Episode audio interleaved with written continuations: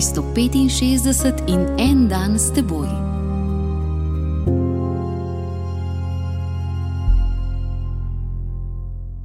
Gospod Bog je človeku zapovedal in rekel: Z vseh dreves v vrtu smeš jesti, le z drevesa spoznanja dobrega in hudega nikar ne jej. Kaj ti na dan, ko bi jedel z njega, boš gotovo umrl. Iz prve Mojzesove knjige, drugo poglavje, 16. in 17. vrstica. Površni in nespametni ljudje se smejejo drevesu dobrega in hudega.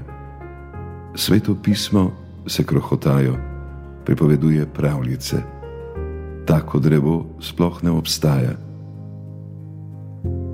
V resnici pa drevo dobrega in hudega globoko vrašča svoje korenine in bohotno razrašča svoje veje v največji globini vsakega človeškega srca, v vsaki misli in v vsakem dejanju, v vsakih sanjah in v vsaki odločitvi.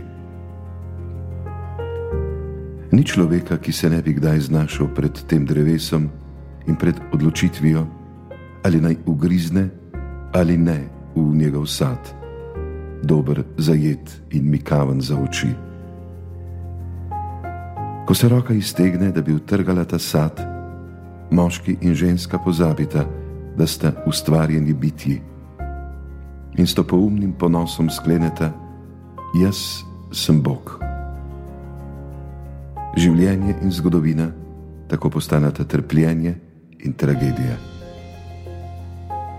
Vse vrste hudega, suženstvo, kolonializem, nacizem, komunizem, nestrpnost, nasilje, izkoriščanje, splav izrivanje telesno in duševno prizadetih, bolnih in ostarelih, trgovina z mamili in orožjem, eutanazija, prihajajo iz rok moškega in ženske, ki se oklepajo tistega ukradenega sadu.